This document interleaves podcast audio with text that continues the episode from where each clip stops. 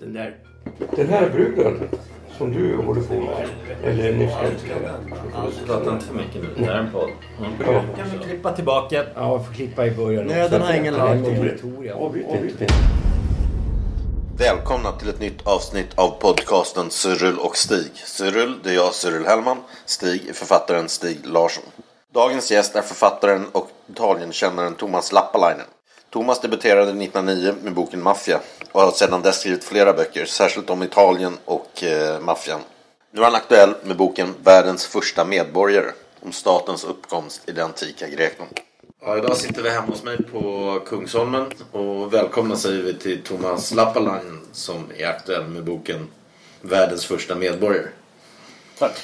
Kan man säga att den handlar om statens uppkomst eh, i eh, antika Grekland och du har utgått från eh, Homeros skrifter framför allt, så runt 700 f.Kr. och likheter med maffian och beskyddar Ja, alltså det handlar om medborgarstatens uppkomst och den uppkom Ja. just i Grekland. Det hade ju funnits stater i Egypten och Mesopotamien och Kina tidigare. Men det hade inte varit några medborgarstater. Det är det som är det speciella då. Alltså att det är en ganska stor grupp, fortfarande en minoritet av befolkningen, men en ganska stor grupp som har lika stora rättigheter och skyldigheter visavi staten, gemenskapen.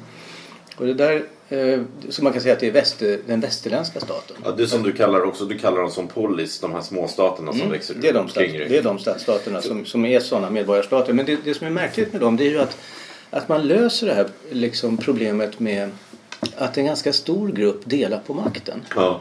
Hur gick det till? Alltså på alla andra ställen så är det någon som har suttit i toppen. Och det är egentligen den enda som inte är slav. Ja.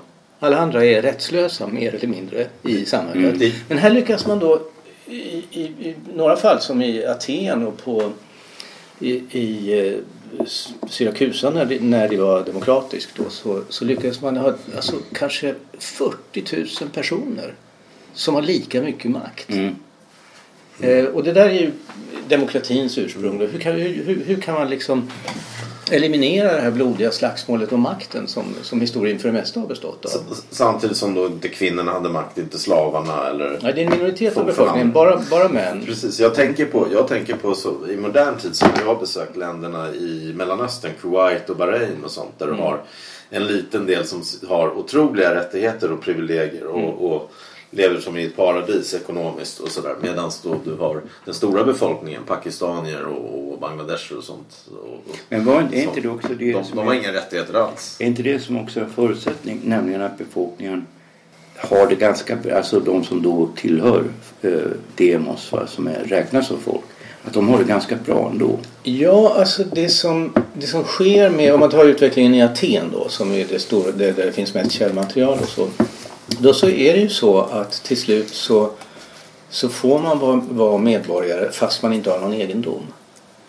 Eh, så att eh, det är, det är ganska många som inte äger jord som ändå är medborgare. Mm. Så att eh, ja, man kunde nog vara fattig. Man kunde vara mycket fattigare som medborgare än vissa rika metoiker, alltså sådana här... Mm. eh, Köpman. Ja, sådana som inte är födda i Aten. Mm. Utan kanske finns en vapenfabrikant som var född på Syrakusa och som Mm. hade en stor vapenfabrik i Aten. Och han var ju väldigt rik och sådär, och mycket rikare än många medborgare. Men medborgarna ägde staten. Mm. De ägde rättsskipningen, de ägde polisen. De var själva polismännen. Mm. Och eh, de, eh, eh, hade, de hade... Det var de som ingick i armén. Ja, jag tänker om man tittar på Italien så eh, de försvann ju de här språken, oskiska och så på grund av att de ville bli medborgare i Rom Mm. och så tappade de sitt språk. Mm. Men alltså den här idén med att vilja tillhöra, vilja ha medborgarskap. eh, När man tittar på det så här ut, utifrån så vet man inte riktigt vad fan det innebär. Nej, precis. Alltså det, det, det, en, det var enormt eftertraktat. Så de som inte, eh, domstolarna var nedlusade med mål som rörde eh, huruvida någon var medborgare eller inte. Någon som gjorde anspråk på att vara medborgare. Och sen fick domstolen då döma. Eh, eh, ta reda på vem som var mamma och pappa och så vidare. Och det som kvalificerade till medborgarskap. Och att, att det var så attraktivt. Det berodde ju på att man var bara medborgare som fick äga jord. En del av dem ägde inte jord, men bara medborgare som fick äga jord. Och eh, om man tar att man eh, alltså man är rättslös om man inte är medborgare. Man får inte vara med och påverka rättsskipningen. Mm. Man får inte väcka åtal. Mm. Eh, så att man är hela tiden i, alltså, i ett ganska intensivt förtryck. Om man inte ingår i den här Mm. rätt stora minoriteten som delar på makten. Mm. Och det här är liksom fröet till den de västerländska med, de- som- medborgartanken. Men de som var rika då, jag tänker på den här äh, köpmannen från Syrakusa med den här vapenfabriken. De måste ju då ändå tycka att det var ganska okej att vara metodiker som du Mm. sa. Ehm, därför att de ändå, det var inte så att de förföljdes på något sätt. Nej, fast de hade ju svårt att hävda sig. Eh, om, om, de, om de hamnade i rättsliga tvister Mm. så, hade, så var de underprivilegierade jämfört med medborgare. Mm. Så de var ju tvungna att, det är klart de, eh, med sina pengar kunde de köpa sig eh, vänner och bland medborgarna och så. Och det framgår ju bland annat av Platons dialoger att, att de umgicks väldigt otvunget eh, metodiker och de här, den här aristokratiska Mm. ungdomen som, som Sokrates samtalar med. Då. Men, eh, men de, har, eh, de är ändå där på nåder på något sätt. De har inte de rättigheter som medborgare har. Likheten med maffian, skulle det vara att, att det är från ungefär närområdena eller är det snarare kanske att maffian är uppbyggd som en stat eller tvärtom? Att de, eller menar att de är uppbyggd som maffian? Nej, eh, maffian eh, tycker jag att de gör sig av med när de skapar medborgarstaten. Ja, precis. Så att det som... Det De som går över till en polis, en Det är beskydd. mera det som finns hos Homeros, det är det samhälle som skildras där. Och ur vilket det finns en stor vetenskaplig diskussion om huruvida man kan extrahera ett verkligt samhälle med massa olika Mm. positioner och så. Men så, jag jobbar i den traditionen då. Där, man, där man menar att det går att se dra, drag ur, i, ett, alltså i den homeriska texten, se drag ur ett verkligt samhälle som, som har funnits under alla de här århundradena då, då eh, Iliaden och Odysseen be- fungerade som en berättelsebank. Där, alltså innan det fanns skriftspråk. Man bara, barderna berättade de här historierna. Jag, jag tänkte även på... Men, men om jag får återkomma till den frågan då. Alltså, då tänker jag att om man tar modern maffiaforskning. Då så, om man analyserar den homeriska texten med de teorierna. Då passar alla nycklar i alla lås. Va? Det, var, det var en fantastisk upplevelse när jag, när jag såg det. Att jag, kunde, jag kunde se att modern, särskilt ekonomiskt inriktad maffiaforskning eh, var extremt väl eh, lämpad för att analysera det här samhället. Så att det är det jag gör då i den första tredjedelen av boken. Men sen tas steget då. Sen så gör man sig av med eh, maffiaorganisation av beskyddet och skapar istället den här gruppen av medborgare som äger beskyddet kollektivt. Det är det som är Men, men, men skulle det just vara att, att maffian också, att det italienska till ett närområde? Eller, för jag tänker lite på de isländska sagorna och sånt med heder och hämnd och sånt som också är en stor krydda där. Som, som i de här Ho- Homeros och de. Men det is- isländska samhället gick ju också under på grund av det. Alltså det blev ju i princip till slut inbördeskrig där de var tvungna att tillkalla en kung från Norge. Fast jag tror, jag, tror jag, har inte, jag kan inte de isländska sagorna men jag, jag tror att det vore fruktbart att göra samma operation där så att säga. För att jag tror att det här, det här, det här, den här typen av organisation av beskyddarbranschen som maffian representerar den tror jag är uråldrig. Den fan, har funnits överallt innan staten Ja, det var så jag tänkte också. Mm, att det är så jag ser på det. Ja. Jo, Men och du tar upp den där Augustin som vi pratade om på Stigs middag också. Augustinus citatet. Vad är stater om inte stora rövarband och rövarband om små stater? Ja, precis. Men då skulle också maffian vara då i, i vi hade ju Per Hagman här som gäst. Han trivdes så bra på Sicilien för att där, han, han gillar ju inte staten. Att där har inte staten någon inflytande och något kontokort och, och sånt. Och skulle maffian då uppstå i, i ställen och, och som nu när vi ser gäng och sånt i, i, i Sverige i, där staten har tappat sin makt. Att den, man, man, man bildar på nytt någon liten ministat. Eller? Ja, men det är klart. Nej, men det- alltså, om, inte, om inte staten kan leverera ett fungerande beskydd då poppar det ju upp andra beskyddare. Det, Mm. det, det, så är det ju. Så att om, om, eh, om de stämmer de här rapporterna om att mm, det finns områden dit polisen inte åker Mm. och så vidare. Må- då, de som har butiker där de måste ha beskydd. För då, då, då anlitar de någon annan eller får någon annan påpressad. så- Ja men det är samma sak de som anlitar MC-gäng som, som indrivare. Det är, ju, det är ju småföretagare som har en byggfirma och sen Absolut. helt plötsligt har han gjort ett jobb för 300 000 och så får han ingen betalt. Mm. Fast man kan ju också se att, att alltså, min tanke är ju att Kronofogden hjälper inte. att sta, maff, ett maffiaföretag då, en sån här de tvångsförsäljer beskydd i närområdet. Det är precis vad staten gör. Alltså den, även den svenska staten gör det. Alltså man, kan inte, man kan inte köpa och sälja beskydd. Det, det funkar inte som eh, tomater på en vanlig marknad. Utan man måste Eh, om, om du skulle säga jag, jag tänkte jag klarar min beskydd, mitt beskydd själv så jag avstår från att betala skatt till polisen och militären. I så fall så anfaller staten precis som en mafioso. Man måste betala för beskydd. Och så att det är liksom själva beskyddarmekanismen den ser likadan ut. Men sen är det ju ett otroligt civilisatoriskt framsteg att man blir väldigt många som delar på den här funktionen. Jo, men även om alltså problemet är att man då inte tänker på det. Jag kan tänka mig att i dagens läge så blir det på något sätt kontroversiellt att påpeka att kärnverksamheten för en stat ändå är beskydd. Mm. Av våldskapitalet. Våldskapitalet, därför att om du tar bort våldskapitalet då, alltså då får du en syrisk situation. Mm. Det är därför jag alltid haft ganska svårt för anarkister. För anarki vill jag inte ha. Alltså att man måste betala för att ta mig till Fridens plan. 500 spänn, det är inget roligt. Nej, visst. Jo, men det är, så, så är det väl att vi har, alltså, det är ju fascinerande hur, hur man på något sätt, eh, hur vi lever i en kultur som, som eh, har plockat bort vissa grundläggande föreställningar ur, ur våra hjärnor. Man, Mm. man tar bara föreställningen att man skulle kunna starta eget i beskydda-branschen. Nu kanske det börjar bli lite vanligare och så men när jag var ung så jag hade aldrig någon tanke om att jag skulle eh, ha det som en, ett, ett yrkesval. Att, att jag går ner till blomsterhandeln och säger betala mig så får ni mitt beskydd. Och så om de inte betalar slår jag sönder och så börjar jag trakassera dem på tills de betalar. Då. Jag, jag har det inte i huvudet. Men på Sicilien så är det, det är liksom en option som en ung människa har i, Men i har så skallen. i vissa Liksom. förorter. Ja, men alltså ja, när du läser, när du läser då... Jag Men, på, men, men på, jag, apropå din grej om, om att, att staten är en våldsorganisation. Att, att den, till och med den saken är nästan bortplockad. Att, man, att man eh, ser på det som någonting annat. Jag vet inte, det, det är väldigt fascinerande hur, hur man kan liksom bli... Jag uttryckte det i någon essä för länge sedan att man är bebodd av staten. Mm. På, på ett gott sätt. Jo, men alltså, när jag läser din och Leo Carmonas bok Spelet i spelet så blir det på något sätt ändå ganska... För man följer där eh, huvudpersonen som bygger på Leo då. Eh, hur han växer upp i Jordbro och hur, hur det på något sätt blir nästan uppenbart att den här rollen, att just gå in som du säger, det är helt otänkbart för mig att jag skulle gå till... till alltså det handlar ju inte om att man blir en mafioso men det handlar om att det är så mycket våld i ens närhet. Att man måste på något sätt ta steget upp på arenan va? för att ha en plats.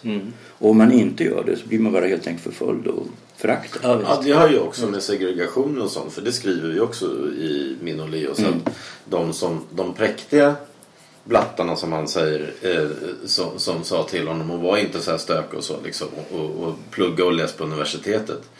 De fick åka taxi och jobba som servitörer och plocka undan hans bord efter ett, två år som yrkeskriminell. Så det, och det, det handlar ju om att Jo, vi skriver det också. Går det Handels eller vissa KTH så, så, advokat så, och läkare så, så, så har du ju en plats även om du är invandrare.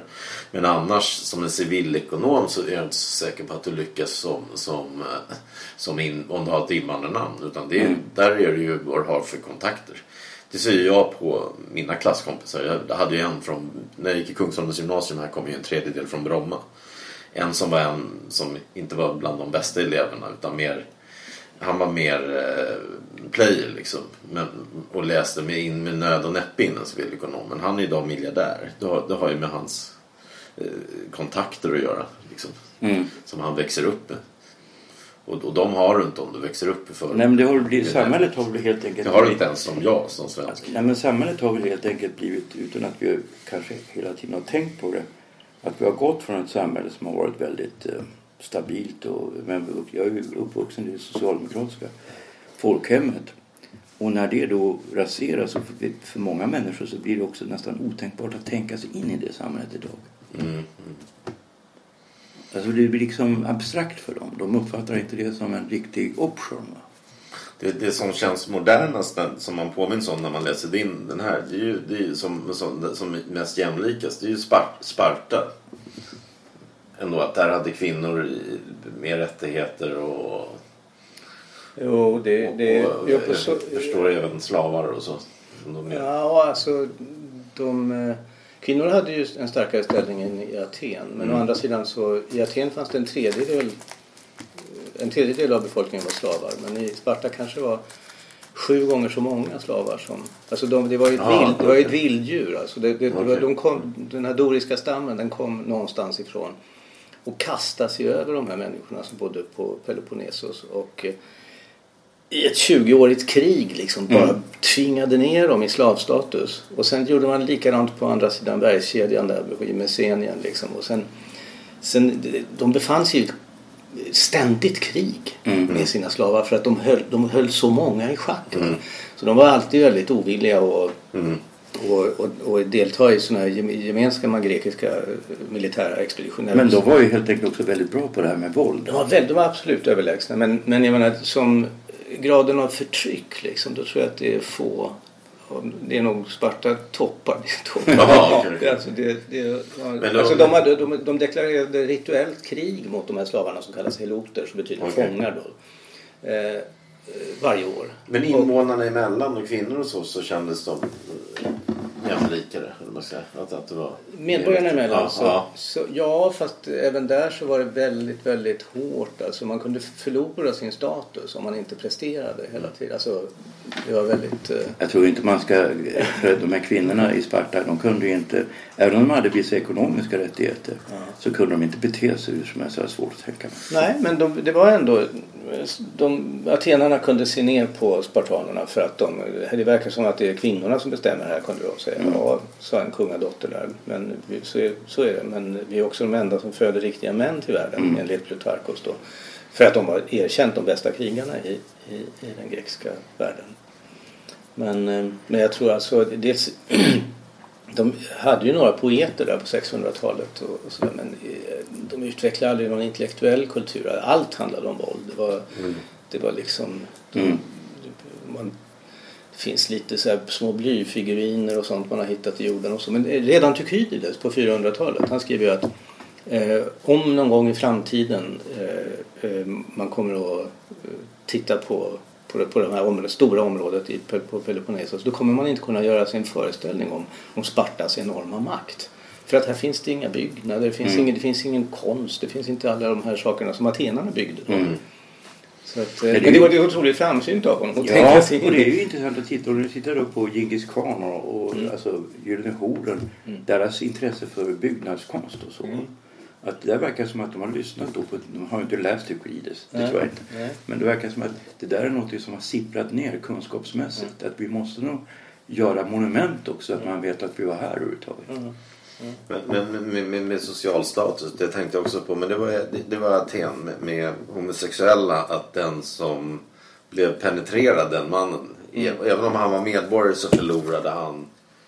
Nej, inte Sina att bli so- penetrerad men, men det var, man fick inte... Han förlorade sin sociala status. Nej, homosexuell prostitution var oförenligt med medborgarskap. Men, men att bli pen- penetrerad, det var, det var inget konstigt. Eh, om den som penetrerade var socialt Ja visst men om han var från en högre social status Ja, då förlorade det, han. Ja, precis, precis.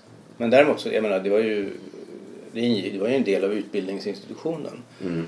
Eh, alltså sexualiteten hade ingen, eh, det fanns liksom ingen heteronorm. Eh, det fanns en annan norm som handlade om dominans. Liksom. Mm.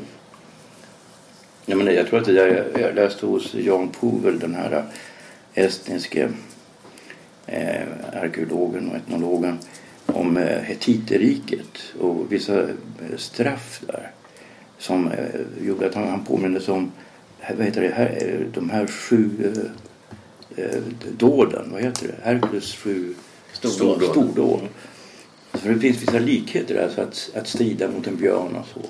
Men det handlar ju då om att när en, en stat blev förlorad i ett krig mot en annan stat så blev männen helt enkelt påsatta. Och då, för att de skulle återerövra sin manlighet så, så, så var det det här som stod till buds. Alltså man fick då strida mot en björn och så. Och ehm, jag har tänkt på om det där skulle kunna ha någonting att göra med när man tittar på sådana här skräckfilmer. Tänk på The Red Dragon och så. Eh, att, eh, det, att man det, på något sätt intuitivt tänker det är någon transvestit som har legat bakom det. Att det är ett sätt, massmord är ett sätt att, återerövra det manliga. Det låter ju helt groteskt. Men alltså just därför att det är så groteskt så tänker man inte att det överhuvudtaget ka- kan vara på det sättet. Men det kan mycket väl vara på det är en spännande tanke. Att det liksom finns en... Eh, så man överkompenserar med, med våld Ja. för att man eh, har någon, något problem med sin eh, identitet. Ja, men ungefär som i, i de här När lammen tystnar, Ja. författaren. Ja, jag- jag- Där var det också någonstans som stod där för mig med just det här med våld. I, och också att, att äh, Sokrates var, var mot våld. Att man skulle kunna prata och argumentera. Medans, har jag tolkat det rätt som det ut. Medan Platon var för våld till och med i umgängesformer. Lät det som. Nej, det tror jag inte finns någon sån skillnad. Alla, jag tror att alla är, jag tror att våldet var en mycket Men det var först Aristoteles som kom med, med vår moderna... Om, om Nej, men, nej, de är alla indrag. Jag tror att de... Man måste tänka på dem allihopa. Som att de hade... Våldet var en mycket mer levande realitet runt omkring dem. Mm. Alltså det här... eh, Både Platon och Aristoteles de liksom resonerar om hur det är enklast att sköta slavar och sådär. Det, det, Man ska blanda dem i grupper, de ska inte kunna samma språk, då blir det enklare. Det, man får inte skoja med dem och sådär. Allt, all, allt man säger ska vara en order och sådär. Det är liksom med syftet bara att få vardagen att, att sköta sig Mm. friktionsfritt. För att det är klart, har man, är det var tredje person en slav? Mm. Och de som, alltså som, när de anlitas i krigen Mm. då så aspirerar de på medborgarskap. De vill bli fria från slavstatus då liksom. Alltså det där är ju en konflikt som finns hela tiden i det här samhället. Och som, som, eh, som man sköter med våld till vardags, det är jag övertygad om. Och, eh, alltså, det är väl Platon som har det där resonemanget på ett ställe om att han liksom föreställer sig att det är någon som eh, inte är tillsammans med alla, med alla medborgarna utan han är ensam, han är tyrann, han har all makt. Måste han inte då vara väldigt nervös? Säger han. För de andra kan ju hoppa på honom och slå honom. Måste han inte ha en, liksom, en liten styrka, truppstyrka som skyddar honom? Ja, det måste han ha, säger, säger de här som han pratar med. Och, och den där fantasin är väldigt, alltså de upplever sig som ett våldsamt gäng, de här medborgarna som skyddar varandra. Och att de sätter sig på, en, på resten av befolkningen, det är inget tvivel om att det är det de gör så att säga. Men det ändå, ses ändå som den moderna civilisationens Ja det, är, ju- ja, det är ju det för att det, det är en så pass stor grupp som lyckas dela på makten och inte, i alla fall inte för det mesta, råka i luven på varandra. Mm. Alltså, demokratin funkar ju i, i nästan 200 år i Aten. Mm. Med två avbrott då för oligarkiska kupper. Men det är ändå, det är ändå fascinerande. Det är första gången man har sett det här. Att en hel grupp de, och de, för att kunna styra tillsammans så utvecklar de så här. Vi röstar om saken. När, när vi har olika åsikter då röstar vi. Mm. Jag tror att det från början mest var ett sätt att slippa slåss. Man identifierar vilka som är flest. Mm. Om vi skulle slåss så skulle ni vinna. Okej, då, kan vi, då kan vi strunta i att slåss. Ja. Ni får igenom vår vilja för att... eh, Ja, och sen kommer det där i rullning. Liksom. Men så har du- Jag tror alla de här procedurerna, även det juridiska systemet, byggs upp som en massa små nödlösningar för att, för att undvika att, att de här som ska dela på makten hamnar i luven på varandra. Men jag hörde någonstans att det, att det under en ganska lång tid i Europa inte var så i krig att man slog ihjäl allihop av fienden. Utan att man gjorde en bedömning, man gick upp då på olika så här kullar och tittade. Nej, det här det är kört. Ja. Och då meddelade man att Ja. vi, vi kan nog inte vinna över det. Det, Ja. det går nog inte. Ja. Och då var det okej, då var de förlorade men man slog inte ihjäl dem. Nej, De fick gå det, hem. det är sant. Det är sant. Och man delar upp bytet med dem. Det var en sån fråga. Visa upp musklerna. Mm. Nej, men jag tror att, att vi, på grund av att vi är så ohistoriska idag, så hamnar vi i någon sorts förvirring när vi då tittar på antingen att vi idealiserar eller också att vi helt enkelt blir skrämda av även det nära förflutna. Mm. För att det är ju ändå så att det är en ganska kort period som vi har haft demokratiska val så vidare som att hela befolkningen har kunnat visst. rösta. Ja. Det är ju inte ens hundra år. Nej. Och eh, det gör att vi tror då att, och även när man, när man då får rösta och så, så eh, finns det då, man tittar, jag tänker på Juholt, ett språng här, när han är på Island då, som ambassadör och uttalar sig och alla blir väldigt upprörda över hans uttalande. Men på sitt sätt så har han ju rätt. han sa då att han tror att Sverige inom en nära framtid kan, kan komma att vara en di- diktatur. Inte att det tas över med våld eller så, utan att det är en form av expertvälde. Och att man inte har, alltså valen har ingen större betydelse. Och med tanke på hans erfarenheter så ligger det ju någonting i det. Därför att eh, Eh, det som hände, om man har läst eh, Suhonens bok, så är det ju en ganska skrämmande bild. Alltså han är ju då ändå vald att vara partiledare för det största partiet i Sverige. Men han har då en, en framtoning och en politik som, som skiljer sig från stora delar av eh, partiapparaten, eller framförallt de som är experter. De som sitter i, i parti, alltså på kansliet. Och det, det funkar inte riktigt. Alltså att bli motarbetare av de som, som kan hur, hur staten drivs. Va? Och då kommer de att driva en politik som inte folket i gemen vill ha. Alltså de har röstat emot det. Men de är så pass kunniga att de kan slå dem. Och jag tror att det är mycket det som gör att vi har fått den, det regimskifte vi ser i dagens Sverige. Att en gång i tiden hade vi då socialdemokrater som kom i allmänhet från ganska enkla förhållanden och på grund av möjligheten att studera. Men de hade en identifikation med socialdemokratin. Och, och sedan så har du då en möjlighet att studera för, för, för väldigt många. Så den här gruppen, alltså det här med brain drain är något som man aldrig diskuterar i de här kretsarna. Men det är något som är i allra högsta grad viktigt. Va? För när alla som är någorlunda smarta kommer att hamna i en form av övre mellanskikt eller övre medelklass så kommer de även att kunna driva en politik som inte alls gagnar flertalet. Och då får du den här utslagningen i förorterna. Du får den här, de här eh, stora eh, inkomstskillnaderna. Det är på något sätt ett resultat som är egentligen inte alls förvånande. Alltså om man, om man struntar i, om man bortser från att, eh, att det var en minoritet som eh, ägde makten i Aten så, och, och ändå ser på vad de gjorde sinsemellan, då, kanske 40 000. Då så var det ju, alltså det var ju riktig demokrati. De skulle de, om de tittade på Sverige idag då skulle de säga att det där är ju inte demokrati. Ni har ju, det är ju olika partibossar som bestämmer och sådär. Men det är snarare Det- det- oligor- det- oligarki. ja. vad sa du? Det är snarare ja, det är oligarki. olika oli- oligarkier. Och, och, jag menar, det är, de, de betraktade ju eh, alltså sån här delegera makt till någon. Det var de väldigt försiktiga med. Alltså att, att alla satt i parlamentet. typ liksom. Alla, man hade massmöten. Och alla hade rätt att tala och rätt att rösta. Och, eh, så det här med att ha en riksdag som styrs av alltså bara en massa representanter som sitter och fattar besluten. De skulle betrakta det som, som odemokratiskt. De var ju till och med emot, de var skeptiska mot eh, eh, omröstningsval. Alltså att man, att man röstar fram en representant. Som, vissa, vissa sysslor var någon tvungen att göra under ett år. Och då hade de en enorm förkärlek för lottning. För att det är mycket mer jämlikt, mycket mer rättvist. För den som, om, om man ska rösta på någon, då kanske den är rik och kan köpa röster. Eller den kanske, det tyckte de också var en orättvisa, är bra på att tala. Och då blir det orättvist. Så att alla ska ha exakt lika mycket. Och det här frångick de egentligen bara när det gäller eh, generalerna. För att om man skulle lotta fram en general då kan ju förfärliga katastrofer. Man måste gå på kompetens när det gäller den som När det ska gäller- leda trupperna i strid. Liksom. Så de, men de röstade bara på ett år i taget alltså. Och alla de ledande statsmännen, alltså Perikles och Alkibiades och Themistokles och alla de här.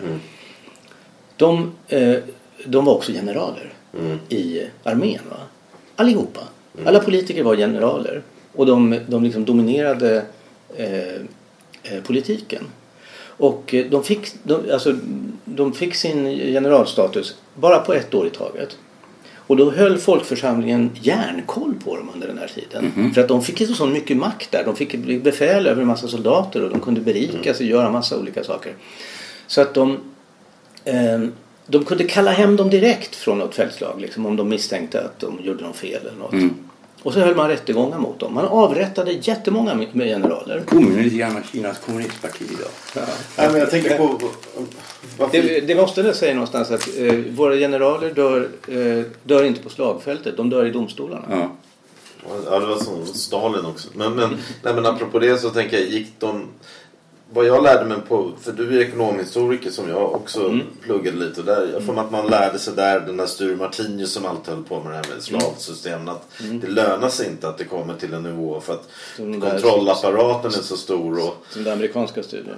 Ja, I men, men ja. man skulle kunna säga att ja, amerikanska sydstaterna som ändå var den eh, amerikanska kulturen som, den, den fanns där i sydstaterna och på, i viss mån fortfarande. Den gick under med slavsystemet och även i ryska med livegenskapen och sånt. Hade det med, med samma sak här med att det, att det, att, att det upphörde i Grekland, att slavsystemet inte Nej. lönade sig. Nej, nej, slaveriet levde ju... När de här stadsstaterna gick under med när Makedonien, alltså eh, Filip andre och Alexander. Med Den maktexpansionen, det var ingenting som eliminerade slaveriet. Nej. Romarna höll ju på med slaveriet. slaveriet.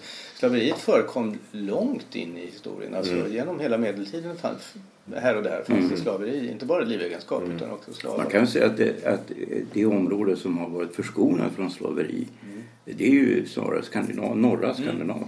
Ja men å andra sidan är ju en teori också varför vi fick renässansen att Europas st- storstäder och sånt byggdes upp industri att, för att slaveriet upphörde under medeltiden med pesten och sånt. Folk blev tvungna att fly och tänka mer på sig själv än sina slavfamiljer Alltså, och i, och med, I och med pesten så blev det också så att inkomstskillnaderna blev, blev mindre på grund av att det var, man, det blev behövde, mer man, behövde, man behövde. Det var en konkurrens om eh, att köpa arbetskraft. Så att det blev på något sätt en, eh, Efterfrågan. ja, en efterfrågan. Precis, marginalnyttan på, alltså marginaleffekten på arbete Ja. steg. Om en tredjedel av befolkningen dör då blir arbete relativt jord väldigt mycket mer vi- Ja. liksom, betydelsefullt. Liksom. För att jorden, det finns ju jättemycket jord och det är folk- så mycket folk som har dött. Mm. Så att alla kan gå på väldigt eh, fertil jord. Mm. Eh, och eh, medan det är arbetskraft som, som är den, den knappa resursen. Liksom. Ja, Nej, men jag tänker också på alltså, att vi när vi tittar på andra kulturer och så så ser vi ju då en del högkulturer men alltså in- ingen motsvarighet till det som hände i Grekland. Jag tänker på i Afrika, jag tänker på i Sydostasien och även i... Alltså jag tror ju att det beror på, alltså, jag, jag, jag tror att det är så primitivt som att det beror på yttrandefriheten. Alltså i och med att de, de här tusentals personer, minoritet av befolkningen, men de säger att det ska inte vara någon skillnad, vi äger staten lika mycket och det betyder att man får rösta och man får tala. Mm. Jag tror att det är första gången som folk Alltså det, det är ett villkor för att börja intressera sig för sanningen nästan. Mm. Alltså om, om dessförinnan om det är så att alla är slavar utom den som sitter i toppen och den som sitter i toppen måste hela tiden vara rädd för att någon ska hugga en kniv i ryggen på honom och, och ta, ta över makten. Där är liksom vad man tänker har ingenting att göra med vad man säger. Utan vad man säger har alltid bara att göra med maktpolitik. maktpolitik. Det har att göra med att skydda, skydda sig mot, mot farorna. Mm. Så att man smickrar den som har makten och håller på och härjar. Alltså, själva, om, om, om den som har makten tycker si, då tycker man själv si också. För det är farligt att inte göra det. Men i och med att den där rätten att tala, isegoria, etableras. Vad heter den du? Isegoria, rätt, eh, jäm, alltså is, iso-orden har med jämlikhet att göra. Och goria, att tala då. Så att man, det är en jämlik rätt att tala. I och med att det etableras, då så tror jag folk liksom börjar titta på varandra och, och, och, och börjar säga, ja men tänk om det är så här. Och det känns inte farligt att säga det. Ja. ja men tänk om det, ja men, ja, men lyssna här. Och hit och dit. Och det är liksom eh, undersökningen av verkligheten Ja. får, får plötsligt liksom grepp liksom. Att det man tänker har med verkligheten att göra. Ja. Alltså, jag, jag, jag, tänkte, jag, jag har Nej, inte utvecklat det där spåret så mycket i boken men det är verkligen någonting jag tror Jo, men jag, jag, tänker, jag, jag slås ju av det när jag läser det. Jag tycker att det är en nästan chockerande upptäckt. Mm. Och jag tycker att upptäckten är så pass, kan man säga, stor att den är svår att liksom hantera Mm. i, i dagens Sverige. Därför att här har vi liksom inte någon, eh, kan man säga, någon tradition att överhuvudtaget relatera till det. Nej. Därför att vi blir närmast provocerade om någon tror att du kan säga någonting om något så centralt som kan man säga, demokratins grunder. Eh, det- kan vi inte, vi kan inte ta på oss den rollen överhuvudtaget. Man, man har någon form av aggressivitet. Jag tror att det kan vara det som också gör att det från akademiskt håll blir en sån en reaktion gentemot dig. Mm. Ja, men det är också revirhävdande. Det är liksom de, de tycker om det här är deras område och sådär. Så att, eh, jag, jag, jag, alltså det, min bok är ganska väl förankrad i eh, internationell forskning. Jag säger inga kontroversiella saker och jag har inte fått kritik för någon, någon idé. Eh, Utom så- Svenska Dagbladet. Jo, men det, hennes poänger där de, de, hon kan lika gärna ge sig på det internationella forskarsamhället och säga att de har missförstått allting. Liksom. Alltså det, det, den, den det var är- inte att du knåpade ihop en liten egen nej, teori. nej, det är liksom, det, det, det finns ingen, eh, jag tror inte att, eh, det, där finns det ingen anledning att vara orolig. Jag skulle gärna eh, se en, liksom substantiell kritik av teserna i boken. För att jag har ju tillfört några moment. Och jag, jag känner så här ungefär. Det finns en, en hyggligt stor motorväg av forskning som är internationell. Det finns några, ett, ett gäng fransmän, ett gäng engelsmän, ett gäng amerikaner och ett gäng tyskar som håller på med de här grejerna. Och jag promenerar ganska tryggt mitt på den här vägen. Men sen så tillför jag den här maffiaanalysen då. Som är ett originellt bidrag. Och sen så har jag också en hypotes om, om att det är jämlikheten i våld som skapar medborgarstaten då. Ehm, men vad gäller liksom eh, allt annat så är det, det är liksom inga, det är inga konstigheter i boken. Den, den är tryggt förankrad i internationell forskning. säga. Snabbt, snabbt bara eftersom det är ändå det, det du är mest välkänd för dina böcker om maffian och Italien och sånt. Varav kom detta intresse för maffian? Ja, men det var ju att jag från början var intresserad av staten. Jag tyckte att det var en underlig institution. Svår och kanske i synnerhet när jag, på 80-talet när jag började tänka på det. Eftersom det var så dominerat av eh, ekonomisk nyliberalism, debatten. Mm. Så jag tänkte om de här teorierna är riktiga då kan ju en stat inte uppstå.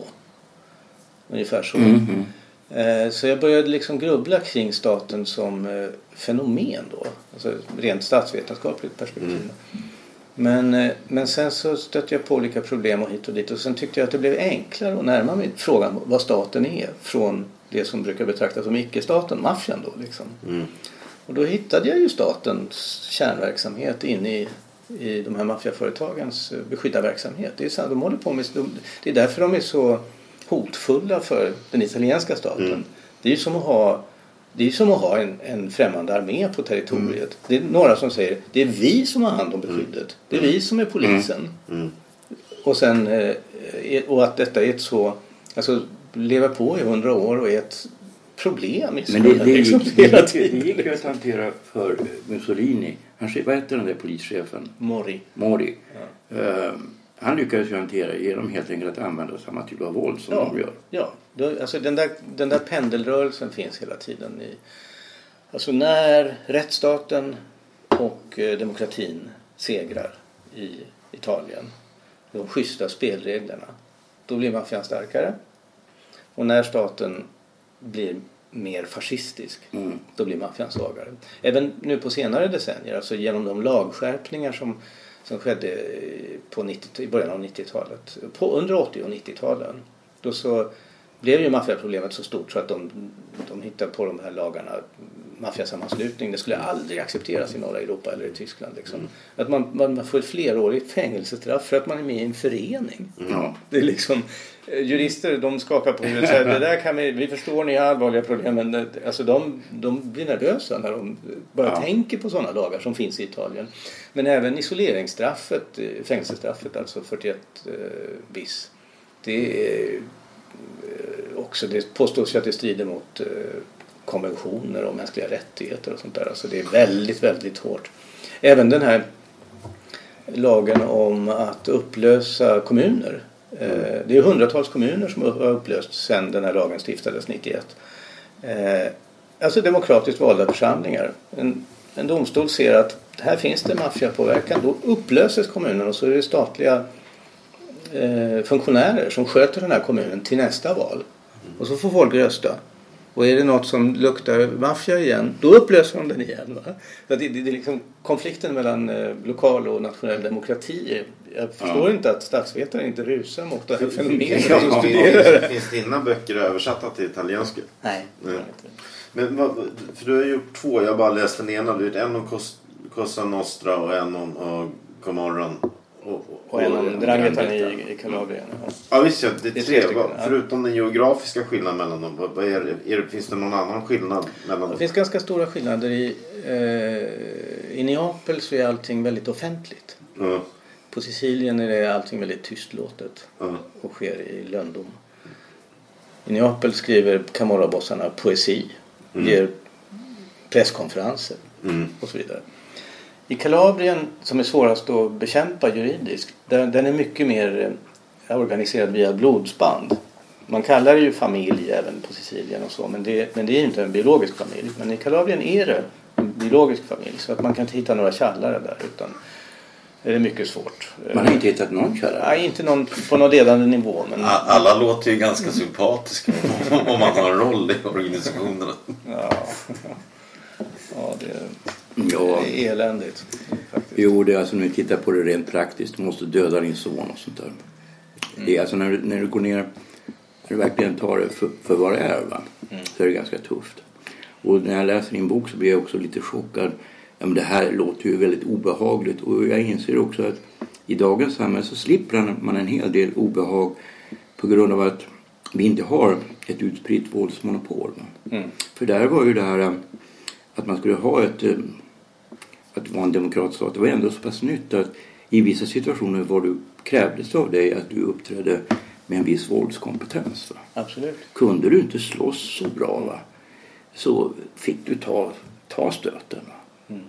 Eh, och det är ju förskräckligt som svensk idag att tänka sig att någon kan, någon kan slå mig och börja misshandla mig och jag måste försvara mig alltså rent fysiskt mot den personen. Det är, ju- det är ju inte särskilt Ja, kul. det, är väldigt, det finns ju i, i Iliaden också den där Tersites, han som eh, liksom beskrivs som ful och mm, dålig och dum på alla sätt. Eh, Men som håller på och försöker vigla upp folket mot de här eh, furstarna. Det är, det är rätt chockerande hur Alltså han, Odysseus ger sig på honom och slår honom och han blöder på ryggen och han kryper ihop och gråter. Och det utlöser bara jättestor munterhet hos alla andra. Fast jag tycker det är lite, det är lite, det är lite som Bob Dylan sjunger To live outside the law you need to be honest. Att, att det är ändå eh, raka spelregler. Du, du, du, med, Ja, med men- det där monopolet så, så slipper du folk som back, backstabbar dig. Nej, tvärtom. och- Alltså för att, det blir snarare tvärtom därför att när du, när du har det, när det öppna våldet är det som är spelregeln. Alltså att du måste liksom slåss för din rätt. Så blir det snarare så att människor kommer att visa ännu sämre ansikten. Så tror jag också.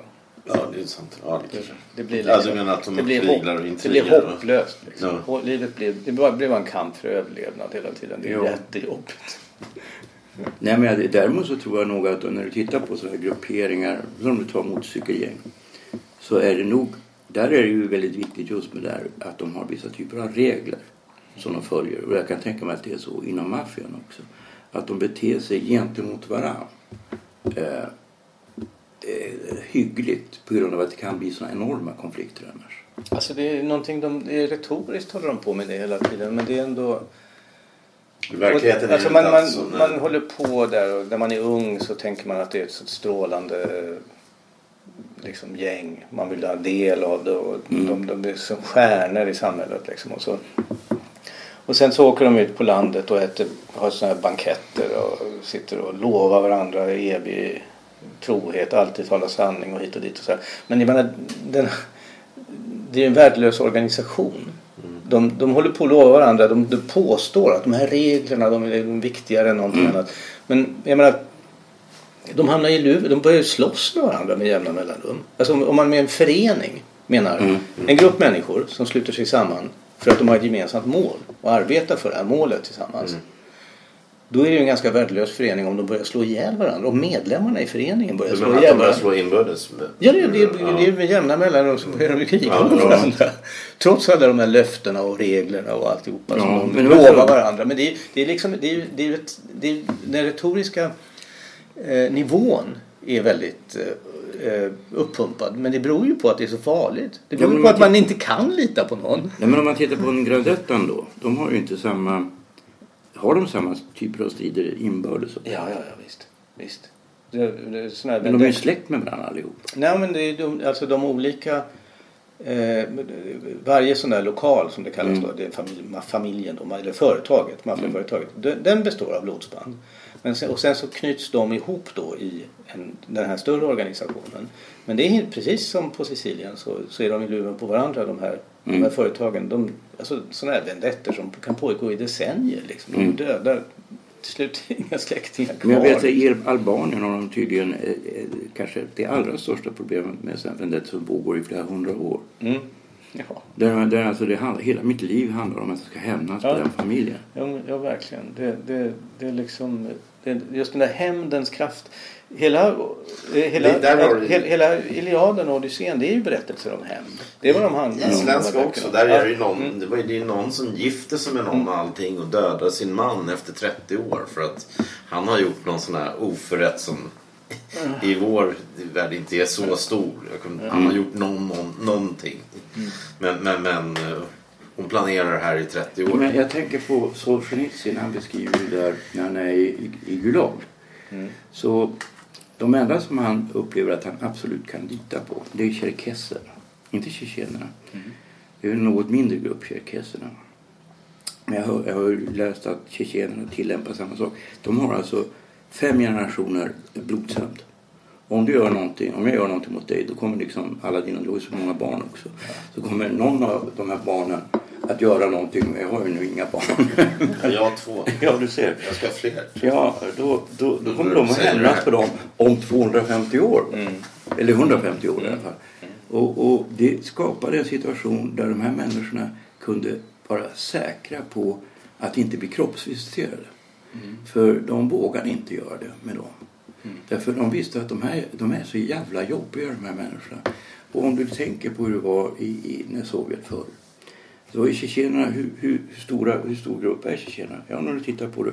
Det är, alltså, handlar om ungefär 500 000 människor. 450 till 500 000 människor. Det är inte så många. Men tydligen var det tillräckligt många för att i striden i, i Georgien eh, mellan abchaserna och georgierna. Abchaserna det är ju då också ett, eh, på samma sätt som tjerkesserna, ett nordvästkaukasiskt folk. De fick ju också hjälp av inguscher och andra nordöstkaukasiska språk, eh, folk. Och de här bergsfolken de är helt enkelt också väldigt bra på att slåss, väldigt bra på strid. Och även om de är väldigt få så lyckas de då ta makten över en fjärde, en femtedel av landet. Eh, som, som egentligen är väldigt konstigt att man inte erkänner. Som heter Abchasien. Som är dessutom väldigt vackert. Det är ett slags Schweiz ungefär. Med alper och hav samtidigt. Eh, och det är liksom ingen av det här var ju då över 20 år sedan det här hände. Eh, Men det handlar ju då om att även om de är få så har det också med deras historia att göra. Man vill liksom inte bråka med någon som är så jävlig att hans anförvanter om flera hundra år och när ryska vakter i Gulag tänker på det sättet så är det ju en sorts realitet. Det är en väldig sk- sk- sköld av skydd Ja. som, som uppstår om, om folk är säkra på att man, tänk, man kommer att hämnas. Ens barn kommer, ens barn, barn kommer att, det, det, är ett sätt, det är ett sätt som, som liksom ökar priset för att angripa en. Ja, det, det det. handlar om Romer i Sverige har ju så, en del utav de här romerfamiljerna. Det vet ju eftersom jag känner en hel del. Att, att, det, att det alltså är inbördes fighter och sånt sker. Men då har de ju också råd. Egna råd. Och, och där de förvisar folk och, och, och alltså straffar inbördes. De, de vill inte ha staten eller svenska statens inblandning. Nej, där vet man ju faktiskt väldigt lite om hur det egentligen fungerar. precis. På grund av att det har funnits under väldigt lång tid ett aktivt eh, alltså det var ju tidigare var det så att man inte heller kunde få studera deras, deras språk. Va? Alltså det var ju... Det var ju Ja, men jag vet till exempel ganska nyligen för nå- något år sedan var det någon som gjorde något mot någon familjs barn. Och istället för att det skulle bli krig mellan familjen och, och sådär. Då, och då, det var ett råd då som de fick lämna det området i Stockholm. Mm. De som hade, som hade gjort fel. Ja, men Så. låt oss, låt oss hoppas att vi inte hamnar i ett sånt läge att vi har en delegerad, en decentraliserad makt på det sättet. Ja, där, där slutar vi. Ni har lyssnat på podcasten Cyril och Stig. Vi hoppas ni gillar det ni har hört och går in på acast.com och prenumererar och delar på Facebook och Twitter till era vänner.